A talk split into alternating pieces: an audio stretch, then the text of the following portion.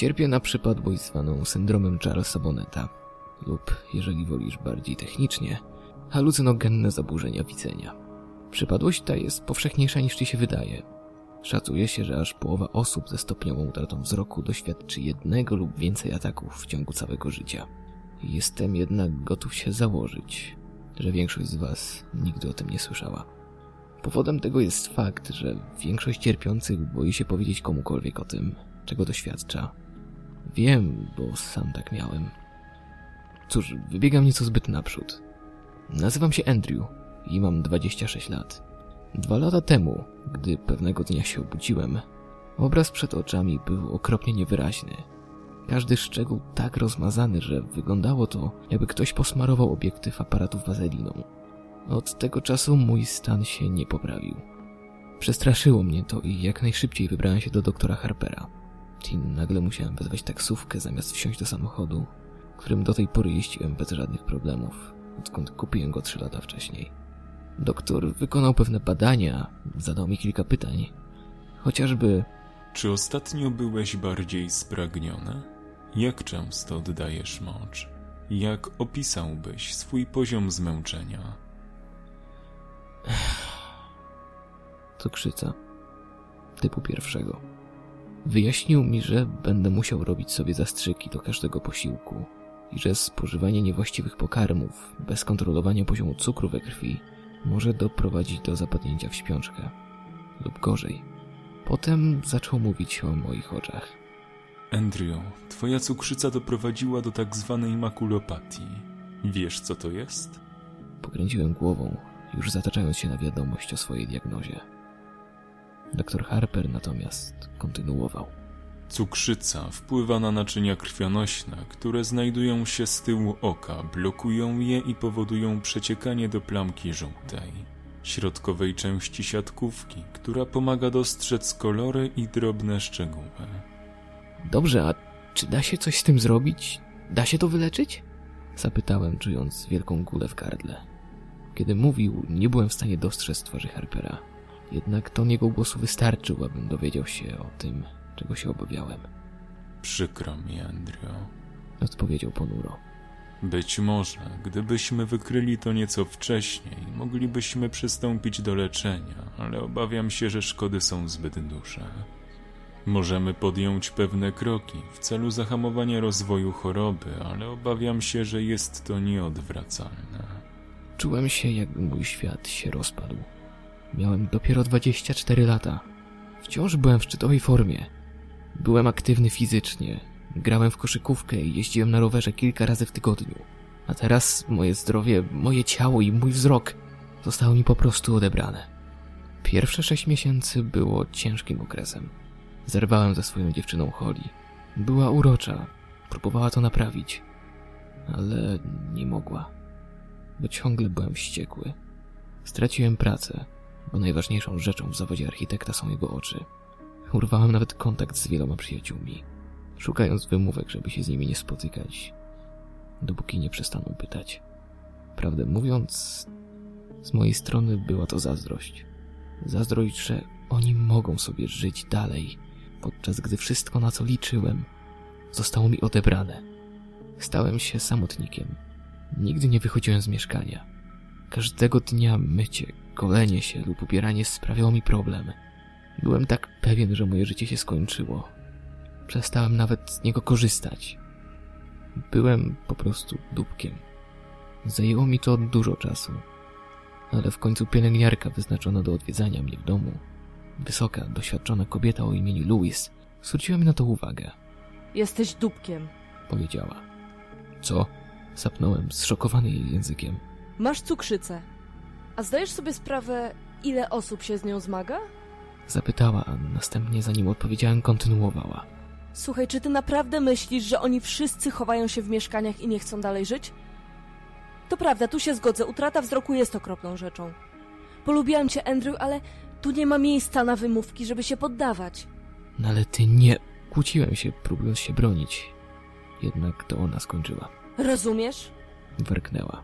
Jedna z najodważniejszych osób, które znam, została sparaliżowana od szyi w dół, gdy była jeszcze dzieckiem i nie poddawała się. Ty możesz zrobić o wiele więcej w swoim życiu i masz ludzi, którzy chcą ci w tym pomóc, ale nie możesz się nawet trochę zmotywować, aby zgolić tę brzydką, cholerną brodę. Przestań robić z siebie beksę i zmień coś w swoim życiu. Oczywiście nie stało się to z dnia na dzień i kłóciłem się z nią. Byłem wściekły na jej nieczułość, kazałem jej odejść. Zapewniłem, że powiem o wszystkim jej przełożonym, ale ona w odpowiedzi tylko się zaśmiała i odpowiedziała, że tak się nie stanie. Nie zrobisz tego, bo mądry z ciebie facet i jesteś z tego powodu zbyt dumny. Powiedziała. Do zobaczenia za tydzień. Tej nocy ogoliłem się. Odsłoniłem zasłony w pokoju i rozejrzałem się. Wszystko było rozmazane, ale kiedy naprawdę się przyjrzałem, zobaczyłem rzeczy rozrzucone po całym domu. Kiedy Louis wróciła w następnym tygodniu, mieszkanie było posprzątane. Byłem gładko ogolony, ubrany, nawet próbowałem uczesać włosy. Nie skomentowała tego. Nie wspominała nic o kłótni z poprzedniego tygodnia. Ale zabrała mnie do miasta na kawę. Zaprowadziła mnie do kawiarni, rozmawiając ze mną i uspokajając mnie. Było to zniechęcające. Mimo, że od tego lokalu dzieliła mnie nie więcej niż przecznica, ale i tak czułem się taki dumny, kiedy tam dotarłem. Rozmawialiśmy. Zdaje mi się, że chyba nawet się śmiałem. Potem odprowadziła mnie do domu. A gdy pomogła mi wrócić do środka, powiedziała: Miło cię wreszcie poznać, Andrew. Ten dzień był początkiem mojego nowego życia. Przeprowadziłem się do nowego mieszkania na parterze i dołączyłem do grupy innych, młodych osób z wadami wzroku. Zaprzyjaźniłem się z kilkoma z nich. Wychodziłem z domu każdego dnia, nawet jeśli był to tylko krótki spacer, ale postanowiłem zobaczyć, na co mogę sobie pozwolić. Kupowałem co mogłem, ale Sawyerowie, stare małżeństwo, które prowadziło lokalny sklep, przynosili moje artykuły spożywcze raz w tygodniu. Clark to stary pryk, więc nie chce mnie rozpieszczać i powiedział mi, że szanuje mnie za to, że jestem taki, jaki jestem, za utrzymanie mojej niezależności i za to, że się nie poddaję. Od człowieka takiego jak on, to jedna z najmniejszych rzeczy, jakie można usłyszeć. Życie układało się dobrze, a potem wszystko się zaczęło. Wszedłem do swojego salonu. W dłoni miałem kubek i wtedy zobaczyłem wiktoriański wóz pogrzebowy stojący na dywanie z dwoma ogromnymi, dumnymi końmi w pełnej krasie, ozdobionymi długimi czarnymi pióropuszami w uzdach. Stali perfekcyjnie nieruchomo, a kierowca, mały, brodaty mężczyzna w kostiumie z epoki i kapeluszu, zakuty w cugle spojrzał na mnie z niecierpliwością. Co dziwne, te rzeczy były o wiele wyraźniejsze niż zwyczajne rozmyte kształty, które widziałem. No cóż, prawie zsikałem się w spodnie. Upuściłem kubek, rozlewając gorącą kawę na bose stopy, skacząc do tyłu z okrzykiem bólu i strachu. Kiedy zwróciłem uwagę na konie i powóz w pokoju, już ich nie było. W tym momencie zastanawiałem się, czy zwariowałem. Najwyraźniej większość z nas to robi, co jest zrozumiałe. Jakbyś się czuł, gdybyś widział ten sam widok w swoim domu? Chyba, że jesteś kubą rozpruwaczem. Wyobrażam sobie, że wielu z was nie ma powozu, a konie po prostu nie leżą w pobliżu. Cóż, ja na pewno nie miałem. W końcu, po wielu cichych przekleństwach wobec siebie i więcej niż odrobinie łudzenia się, udało mi się przekonać samego siebie, że nie widziałem tego, co myślałem, że to był tylko bardzo żywy sen na jawie. Wydawało mi się, że to działa i żyje dalej. Nawet jeśli wchodziłem do tego samego pokoju trochę ostrożniej w następnych dniach. W końcu zapomniałem o tym. Dwa tygodnie później zobaczyłem w łazience gigantyczną, unoszącą się, wirującą pomarańczową kulę. Znów prawie się zsikałem. Stałem gapiąc się na nią, na ten dziwaczny, obracający się, lewitujący globus, który był nieco większy niż piłka plażowa wisząca w powietrzu nad moją wanną. Miałem otwarte usta przez pełne 10 sekund, zanim w końcu zamknąłem powieki i szeptałem do siebie. Tego nie ma. Tego nie ma. Po pięciu sekundach znów otworzyłem oczy. Tego tam nie było. Czy kiedykolwiek miałeś powód, by wątpić we własne zdrowie psychiczne?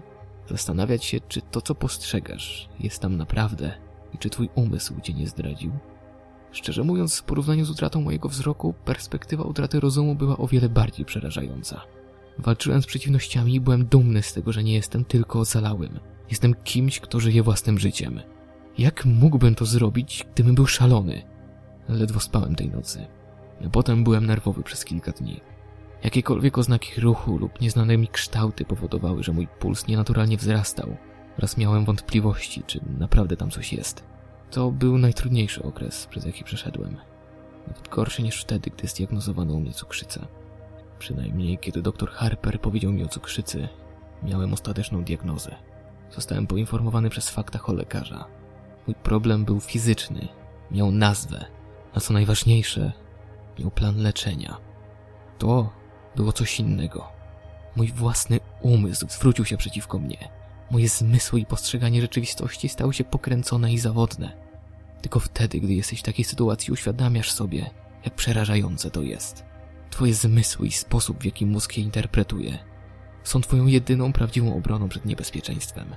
Dostrzegasz niebezpieczeństwo i unikasz go, zapobiegając uszkodzeniu ciała.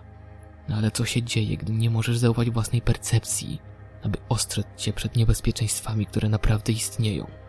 Louis najpierw dostrzegła problem, zauważając moją puchliwą manierę. Zapytała, co jest nie tak i czy chciałbym o czymkolwiek porozmawiać. Ale powiedziałem jej, że nie, nic mi nie jest. Po prostu nie spałem dobrze. Ta ostatnia część była prawdziwa. Nie byłem w stanie zasnąć ani chwili. Sama myśl o zostaniu zinstytucjonalizowanym, spędzenie reszty moich dni na lekach uspokajających, ubranym w niebiesko-piżamowe ciuchy, będąc jak zombie w białym pokoju, w którym tylko echo wołania moich współwięźniów o towarzystwo byłoby moim kompanem, przerażało mnie. I to ponad miarę. Ale jaka była alternatywa? Żyć jako zagrożenie dla siebie i innych? Ostatecznie zdecydowałem się to ignorować. Uznałem, że jeśli byłbym w stanie funkcjonować wokół innych ludzi, którzy nie zdawaliby sobie sprawy z tego, co się dzieje, to byłoby wystarczająco dobrze. Minął cały miesiąc przed kolejnym incydentem i naprawdę pomyślałem, że może zostawię ten cały bałagan za sobą. Z każdym mijającym dniem moja pewność siebie rosła, więc w środę rano wyszedłem na słoneczną ulicę, czując się całkiem beztrosko. Każdą środę fundowałem sobie latę u Joe'ego. Samą kawiarnię, którą odwiedziłem z Louis. To był zwyczaj, który dawał mi wiele przyjemności. Taki, który pozwalał mi nawiązywać przyjaźnie z innymi biwalcami, jak i również personelem, w tym z samym Joe. Kiedy szedłem ulicą z białym kijem w ręku, rozglądałem się wokół, obserwując kolory i kształty otaczającego mnie świata. Podobało mi się uczucie słońca na twarzy i odgłosy śpiewu ptaków. To był dobry dzień. Potem zobaczyłem ich. Grupa pielgrzymów, sześciu z nich, wszyscy ubrani w strój z epoki osadników, siedzący na asfalcie z nogami skrzyżowanymi. Nie patrzyli na mnie, tylko zaangażowali się w gorącą, ale dziwnie cichą rozmowę. Zamarłem, gapiąc się na nich. Nadal się kłócili, gestykulując wściekle na siebie nawzajem. Jednak nie słyszałem ich wściekłych głosów, mimo że, sądząc po ich złym temperamencie, muszą krzyczeć na siebie nawzajem. Sparaliżowany szokiem, biały kij spadł z moich strętwiałych palców, stukając na chodnik. Odwróciłem się zdesperowany, by uciec od straszliwego widoku kolonistów na drodze. Ale tak spanikowałem, będąc w takim pośpiechu, że nadepnąłem na laskę. Toczyła się pod nogami, zanim się zorientowałem, rzuciłem się, upadając na twardą ziemię poniżej. Nie do końca złagodziłem swój upadek w czasie, mocno waląc policzkiem w ziemię i obdzierając dłonie. Usłyszałem krzyk przechodnia, przyjaznej zaniepokojonej kobiety, która pośpieszyła w moją stronę. Uklękła obok mnie, pomagając mi wstać, nakładając klenek na mój pulsujący policzek, który zaczynał powoli krwawić. Próbowałem jej powiedzieć, że nic mi nie jest, nie było się czym martwić, no ale ten dobry Samarytanin nalegał, aby zawieźć mnie do gabinetu doktora Harpera w celu sprawdzenia moich obrażeń. Teraz, wracając do tego, jestem całkiem pewien, że wiedziała, że mój oczywisty niepokój nie ma nic wspólnego z upadkiem. Wtedy byłem zawstydzony i zły, ale teraz zdaję sobie sprawę, że jestem jej dłużnikiem.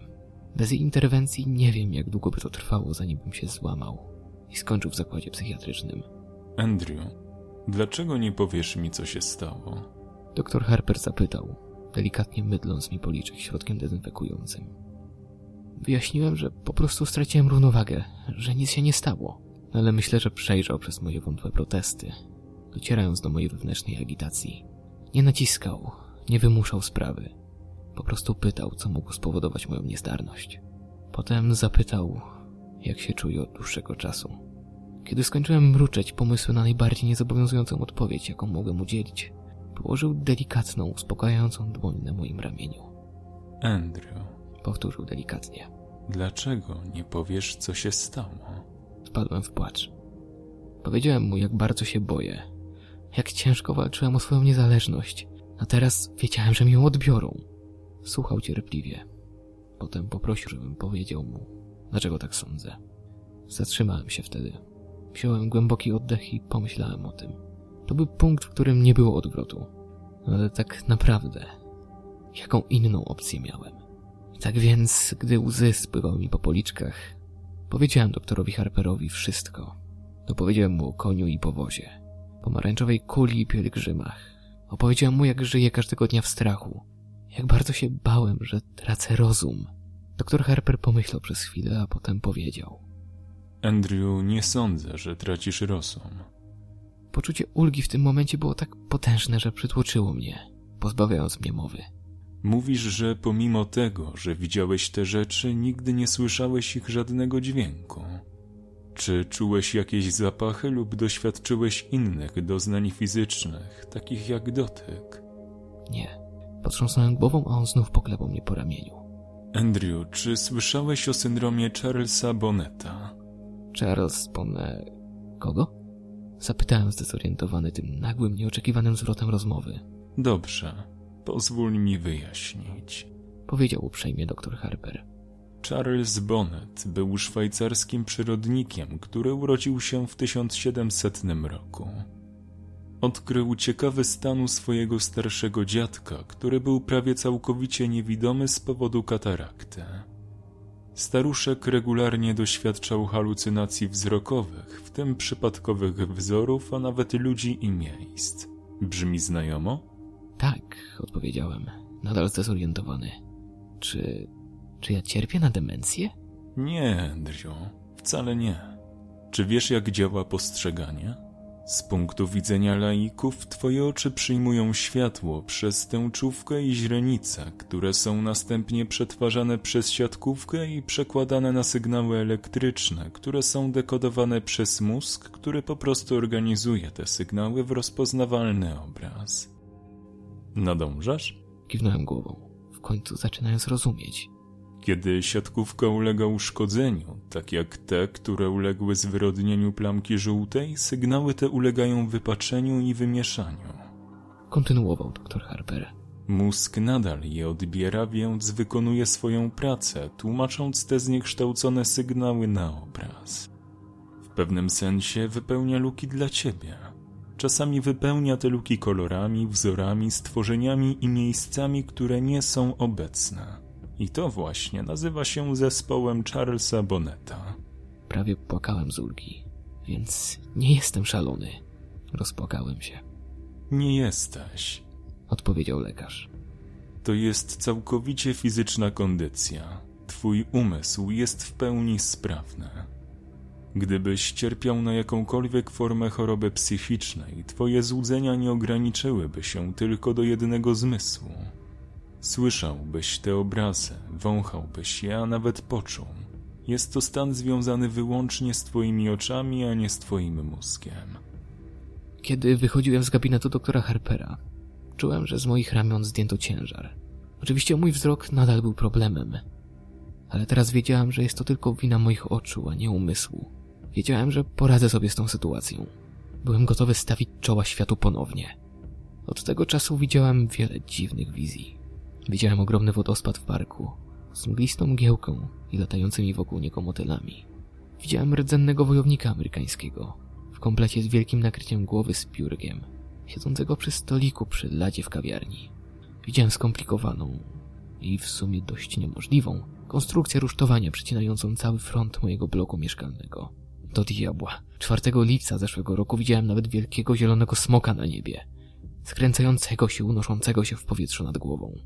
Wszystko wyglądało zupełnie i całkowicie realnie, ale teraz wiedziałem, że to były tylko sztuczki z oczami. Nie stanowiło one już problemu. Właściwie to nawet zacząłem się nimi cieszyć, traktując je jako wyjątkowe i zabawne małe pokazy lub dzieła sztuki, które istniały wyłącznie dla mojej przyjemności i dla nikogo innego. Stały się dla mnie codziennością. Potem, miesiąc temu, zobaczyłem ją. Była noc Zawsze jest noc, kiedy ją widzę. I dopiero co przygotowywałem się do spania. Wszedłem do kuchni po szklankę wody i krzyknąłem ze strachu, kiedy zauważyłem postać w kącie. Była wysoka. Zdecydowanie najwyższa kobieta, jaką kiedykolwiek widziałem. I nawet jeśli stała skulona, wciąż miała co najmniej sześć cali przewagi nade mną. Przyzwyczaiłem się do tego, że widziałem postacie w przestarzałej dziwacznej sukience, ale to było co innego. Nie wydawało mi się, żeby jej strój był z jednego okresu, raczej był to dziwaczny bałagan przedmiotów. Miała na sobie smokingową kurtkę, dopasowaną do kobiecego kształtu ciała, na brudnej starej koszulce z falbanami. Dopełnieniem kompletu był jasny czerwony krawat z muszką. Na rękach, które trzymała po obu stronach, jakby się szarpiąc, a może czując spadające krople deszczu, nosiła brudne białe rękawiczki. Jej palce były nieproporcjonalnie długie, niemal pająkowate, a czasem drgały, jakby chciała coś nimi chwycić i wcisnąć. Na niższej połowie nosiła szorty, tak samo karmazynowe jak muszka, na nieprzezroczystych czarnych nylonach. Jej nogi były długie i dość atrakcyjne. Tak naprawdę to wyglądały jak nogi tancerki. Nosiła też czerwone obcasy. W tym samym odcieniu co szorty i muszkę, ale błyszczały i przywodziły na myśl rubinowe kapcie Judy Garland z Czarnoksiężnika z Oz. Jakkolwiek dziwny był ten komplet, nie mogę oderwać oczu od jej twarzy. Większość przesłonięta była jaskrawym melonikiem, wywróconym i przechylonym, by ukryć oczy i nos. Ale pod rondem i kapelusza widziałem śmiertelnie bladą skórę jej twarzy i uśmiech, który powodował dreszcz w kręgosłupie. Był szeroki. Zbyt szeroki. Zupełnie zbyt wieloma zębami. Uśmiech ma być wyrazem ciepła. Ma być przyjazny i życzliwy. Ale spojrzenie na twarzy tej kobiety przesiągnięte było złośliwością. Czułem od niej rodzaj radości, jakiej oczekiwałbym od węża, który dusi szczura. Najbardziej jednak zaskoczyło mnie to, że miała trzecią rękę wyrastającą z pleców, zwiniętą w górę nad głową jak ogon skorpiona. Była dłuższa niż jakakolwiek ręka. Dodatkowo miała tylko trzy palce, jak pazury. Była skierowana prosto na mnie. A ponieważ z przerażenia potknąłem się na bok, to wydawało mi się, że śledzi też mój ruch. Stałem, gapiąc się na przerażającą figurę przez kilka sekund, próbując ogarnąć sytuację. Po prostu stanęła tam w kącie, uśmiechając się końcu zdałem sobie sprawę, że to były tylko kolejne z moich halucynacji i odetchnąłem z żalnym westchnieniem ulgi. Jedną z sztuczek, których nauczyłem się w ciągu miesięcy cierpienia syndrom Charlesa Boneta, jest przełamanie linii wzroku w kierunku tego, który z bodźców powoduje, że mój mózg interpretuje obrazy w halucynacje. Pomyśl o tym jako o ponownym uruchomieniu wadliwego komputera. Jako świeżenie systemu, którego debuguję. W tym celu zamykam oczy i liczę do pięciu, a kiedy je ponownie otworzę, halucynacja znika. Tak więc, gdy patrzyłem na przerażającą, zniekształconą postać mojej kuchni, wiedziałem, że aby obraz zniknął, po prostu musiałem zamknąć oczy. Będę tu szczery. Gdy policzyłem do pięciu, zawahałem się trochę przed otwarciem oczu. Gdybym otworzył oczy, ona nadal by tam stała, uśmiechając się do mnie tym złym uśmiechem, myślę, że mógłbym dostać ataku serca. Nie było jej, a ja oddychałem kolejnym długim westchnieniem ulgi. Przyniosłem szklankę wody i wróciłem do łóżka. Wysoka kobieta nawiedzała moje myśli kilka dni po tym, jak ją zobaczyłem. Różniła się od innych wizji, które miałem. W jakiś sposób wydawała się bardziej realna. To właśnie ten niepokój zauważył mój kumpel Jason, kiedy spotykaliśmy się na lunchu w następny piątek. Jason był jednym z tych samych przyjaciół, których próbowałem wypędzić wkrótce po tym, jak straciłem wzrok. Ale odmówił rezygnacji ze mnie, kontynuując kontakt tydzień po tygodniu. Dobrzy przyjaciele są trudni do zdobycia, ale wspaniali przyjaciele, ci, którzy będą z tobą przez całe życie, są jeszcze rzadsi. Jason, niech Bóg błogosławi jego serce, jest jednym z tych ostatnich. Musisz mi powiedzieć, co się dzieje, stary. Powiedział, gdy usiedliśmy nad pizzą. No co ci chodzi? Zapytałem, próbując ominąć temat. Jesteś tak rozkojarzony, jakbyś cały czas czegoś tu szukał. Zjadłeś, na przykład, jeden kawałek pizzy gdy ja zdążyłem zjeść już cztery. Więc powtarzam, musisz mi powiedzieć, co się dzieje. Powiedział Jason, machając kawałkiem pizzy dla podkreślenia. To nic. Odpowiedziałem, czując się trochę głupio. Kilka nocy temu miałem halucynacje, które naprawdę mnie dotknęły. Myślałem, że nie masz już z tym problemu. Zapytał, odkładając kawałek pizzy. Tak, to prawda. To znaczy, to była prawda. Po prostu to było co innego. Odpowiedziałem i pogodziłem się z mówieniem o tym. Przestraszyłem się jej. Jej? Jason zapytał. Jego zainteresowanie wyraźnie wzrosło, Opowiedz mi o tym. więc tak zrobiłem.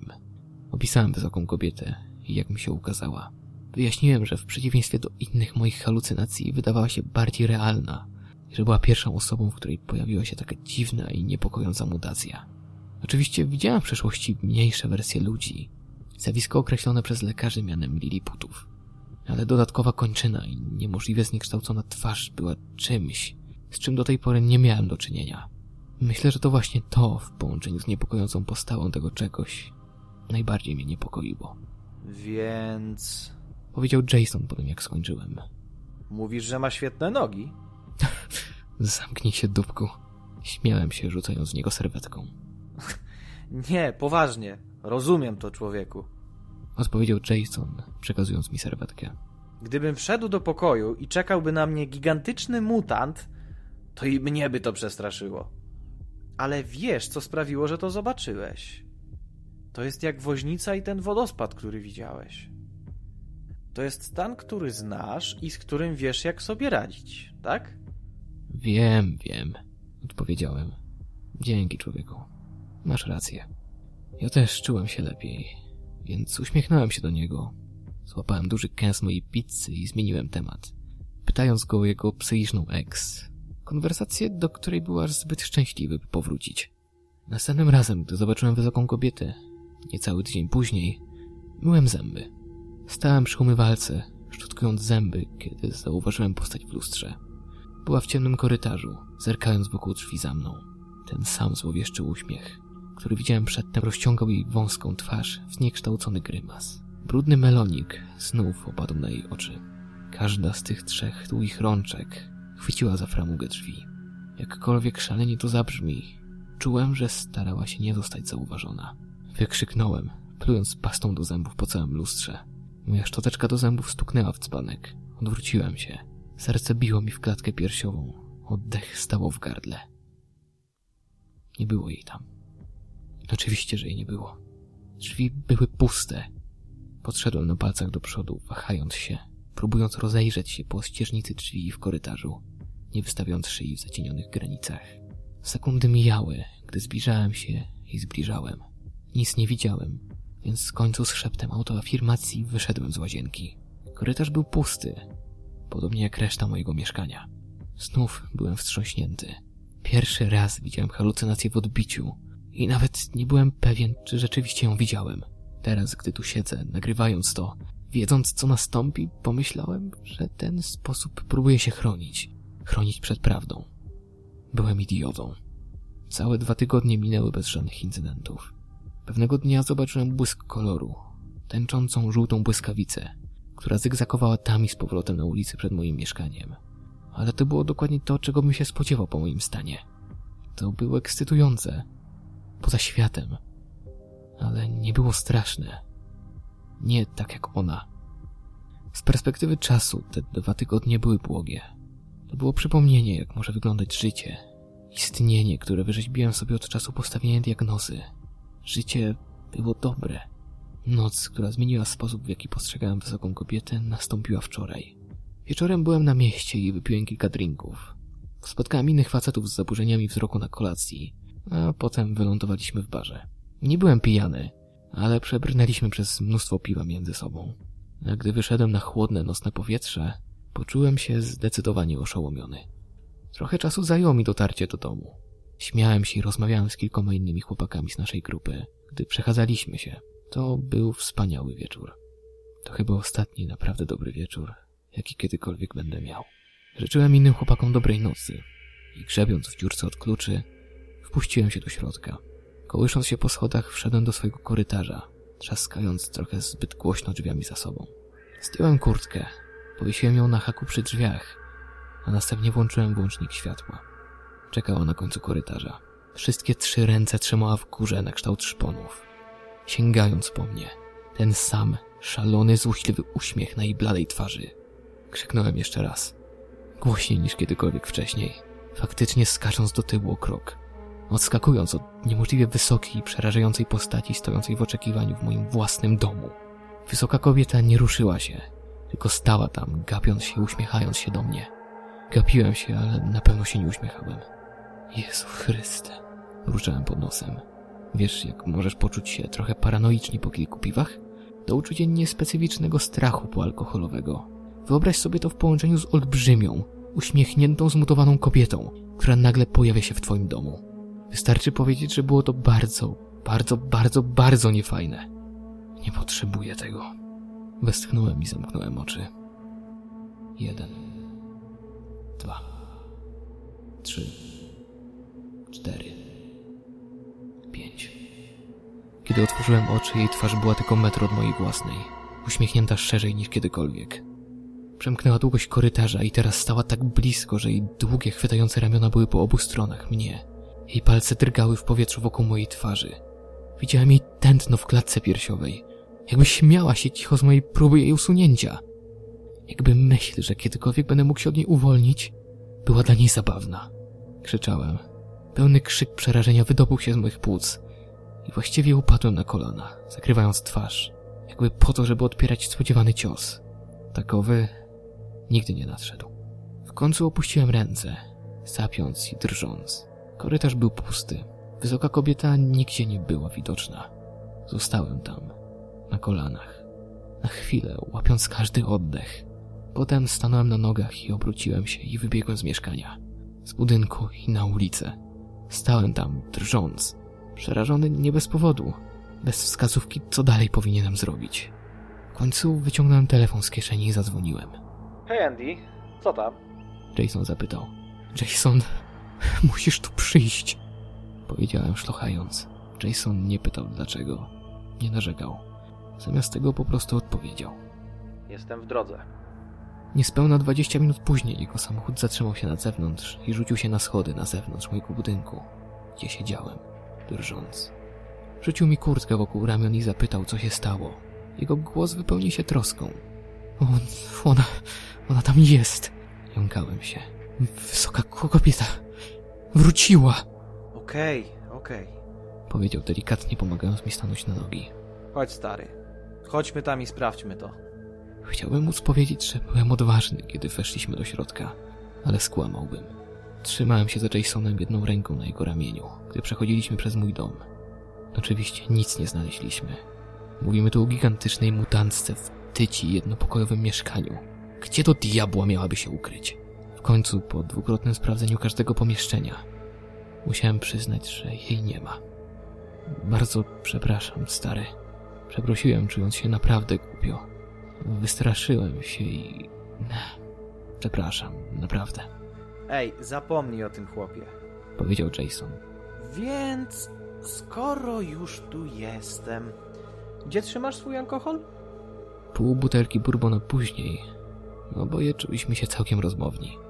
Ona jest, no wiesz, po prostu trochę inna. Rozumiesz? Próbowałem to wyjaśnić. Rozumiem, rozumiem. Powiedział. To tak jakbyś zobaczył coś złego i poczułeś się źle. I to źle. Nie zrozumiał tego. Ona... Nie, nie. Ona jest inna. Rozumiesz? Wyjaśniłem. Nigdy wcześniej nie miałem powtarzających się halucynacji. Oni nigdy nie byli straszni, rozumiesz? Ona nie jest jak inni, Stary, powiedział Jason, biorąc kolejny łyk bourbonu. masz em, ten em, syndrom Charliego Bonego. I wiesz, że widzisz chore gówno, więc Machnął rękami w powietrzu jak magik, który właśnie wykonywał sztuczkę. Wiem, wiem. Odpowiedziałem. nie, posłuchaj Andy. Powiedział. Wiesz, że to sprawia, że widzisz bzdury. Ale to tylko twoje oczy, tak? Nic nie słyszałeś, nic nie czułeś. Tak to się dzieje. To twoje oczy. I wiem, że to straszne, stary, ale przeszedłeś przez piekło czy inny Hades w swoim dotychczasowym życiu. Jesteś twardy. Jeden z najtwardszych i najodważniejszych facetów, jakich znam i potrafisz poradzić sobie z jakąś pff, przerażającą, zdziczałą suką. Śmiałem się, nie mogąc nic na to poradzić. Ona jest bardzo przerażającą, ściczałą suką z halucynacji stary. On też się śmiał. i oboje wypiliśmy drinka. Wiesz, to może pomóc. Powiedział w końcu. Jego głos brzmiał rozważnie. Co? Schylanie się? Zapytałem. Nie. Cóż, tak, może trochę. Chichotał. To znaczy, zdemistyfikuj. Powinieneś dać jej imię. Coś głupiego, żeby nie była przerażająca. Muszę powiedzieć, że tak bardzo jak lubię zdziczałą sukę z halucynacji, to jest to trochę wulgarne. Śmiałem się. Tak, rozumiem. Odpowiedział. Nagle coś, co powiedział, odezwało się we mnie. A co z Heleną? Zasugerowałem. Heleny Highwater, Super. powiedział, zanim podniósł szklankę. Za Helen, kolego. Za Helen. Uśmiechnąłem się i opróżniłem moją szklankę. Jason spędził noc na mojej kanapie. Głównie dlatego, że za dużo wypił, żeby nawet pomyśleć o wsiadaniu za kierownicę pojazdu. Ale szczerze mówiąc, myślę, że powodem, dla którego tak dużo wypił, było to, że miałby pretekst, żeby zostać i mieć mnie na oku. Cieszę się, że to zrobił, ponieważ wiedząc, że tam był, czułem się bezpieczniej i mogłem zasnąć. Dało mi to trochę poczucia bezpieczeństwa, na wypadek, gdyby dziwna wizja, którą właśnie ochrzciłem Helen, pojawiła się ponownie. W tym wypadku byłbym w stanie wezwać go do pomocy. Dziś rano to my potrzebowaliśmy pomocy. O Jezu. Czuję się jakby muł kopnął mnie w głowę. Jęczał, gdy wchodziłem do salonu. Co? Odpowiedziałem. Moja głowa czuła się podobnie. Joe? Joe. Odpowiedział stanowczo i zataczał się. Kiedy piliśmy mocną czarną kawę i jedliśmy mafiny, nie rozmawialiśmy zbyt wiele. W końcu Jason przerwał ciszę. Więc teraz czujesz się lepiej? Zapytał. Na jego usta wciąż były pełne borówkowych babeczek. Kiwnąłem głową. Tak, tak mi się wydaje. Jeszcze nie przestraszyła cię... Sam wiesz kto? Zapytał. Helen? Odpowiedziałem z uśmiechem. Nie, naprawdę nie. Myślę, że poradzę sobie z jakąś przerażającą suką z halucynacji. Dobrze. Śmiał się i poklepał mnie po plecach. Założę się, że sobie poradzisz. Teraz, po nocy spędzonej w mojej łazience, zbyt przerażony, żeby wyjść do mojego mieszkania, wiem, że obaj się myliliśmy. W każdym temacie. Pamiętasz, jak wcześniej powiedziałem ci, że myśl o instytucjonalizacji, że sam pomysł utraty rozumienia rzeczywistości jest najbardziej przerażającą rzeczą, jaką mogę sobie wyobrazić? Teraz byłbym z tego zadowolony, ponieważ alternatywa jest znacznie, znacznie gorsza.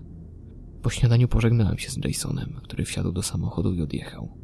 Dzień minął bez żadnego incydentu, a kiedy Louise zatrzymała się dzisiejszego popołudnia, skomentowała nawet, jak bardzo się cieszyłem. Znalazłeś sobie jakąś kochankę? Zapytała od niechcenia. Śmiałem się z tego. Zastanawiałem się, co by pomyślała, gdyby znała prawdę. Te, rzuciłem. Coś w tym stylu, Dobrze dla ciebie. odpowiedziała. Upewnij się, że dobrze ją traktujesz. To rozśmieszyło mnie jeszcze bardziej i musiałem ugryźć wargę. Pewnie, odpowiedziałem. Zrobię co w mojej mocy. Dziś wieczorem, jeszcze trochę wymęczony z wysiłku poprzedniego wieczoru, postanowiłem się położyć wcześnie. Umyłem zęby, ręce i twarz i przebrałem się. Końcu przyniosłem szklankę wody i wszedłem do sypialni. Wskoczyłem do łóżka i od razu poczułem się tak zrelaksowany. W ciągu zaledwie kilku sekund byłem gotowy do snu. To było nagłe, przytłaczające poczucie senności, która przychodzi, gdy spędziłeś cały dzień trzymając sen w ukryciu. Postanowiłem, że opór jest daremny i usiadłem, aby wyłączyć światło. Prawie jej nie widziałem, ale gdy sięgnąłem po przełącznik, ujrzałem coś w kącie oka. Moje serce wskoczyło mi do gardła, gdy odwróciłem się do rogu mojego łóżka. Wysoka kobieta przykucnęła tam. Jej uśmiechnięta twarz gapiła się na mnie za moich stóp. Boże, tak wiele zębów. Jej długie, smukłe palce rozłożyły się na moich kocach, lekko drgając, gdy chwyciła koniec łóżka. Powoli, niemiłosiernie, jej trzecie zniekształcone ramię pojawiło się za jej ramieniem, łącząc pozostałe ręce na mojej pościeli. Zamarłem, całkowicie przerażony. Byłem na skrzyżowaniu dróg, dochodząc do decydującego momentu, który przechodził od jakiegoś czasu. Obserwowała mnie, uśmiechając się, jakby czekała na to, co zrobię. Okrutne rozbawienie migotało po jej bladej twarzy. Ale tym razem miałem dość. Już mnie nie przerażasz. Powiedziałem. Mój głos wypełniony buntem i złością. Nie pozwolę ci tego zrobić. Sięgnąłem do włącznika światła. Dobranoc, Heleno. Powiedziałem triumfalnie, a potem pstryknąłem, pogrążając pokój w ciemności. Leżałem tam. Poczucie ogromnej dumy przenikało przeze mnie i uśmiechnąłem się do siebie w ciepłym, wygodnym łóżku, ciesząc się z emocjonalnym zwycięstwem, przezwyciężenia własnego strachu. I wtedy to się stało. To, co mnie tu doprowadziło. Coś, co zmieniło moją krew w lodową wodę, a moje jelita w galaretkę. Dobranoc, Andrew. Jej zgrzytający głos syczał z ciemności.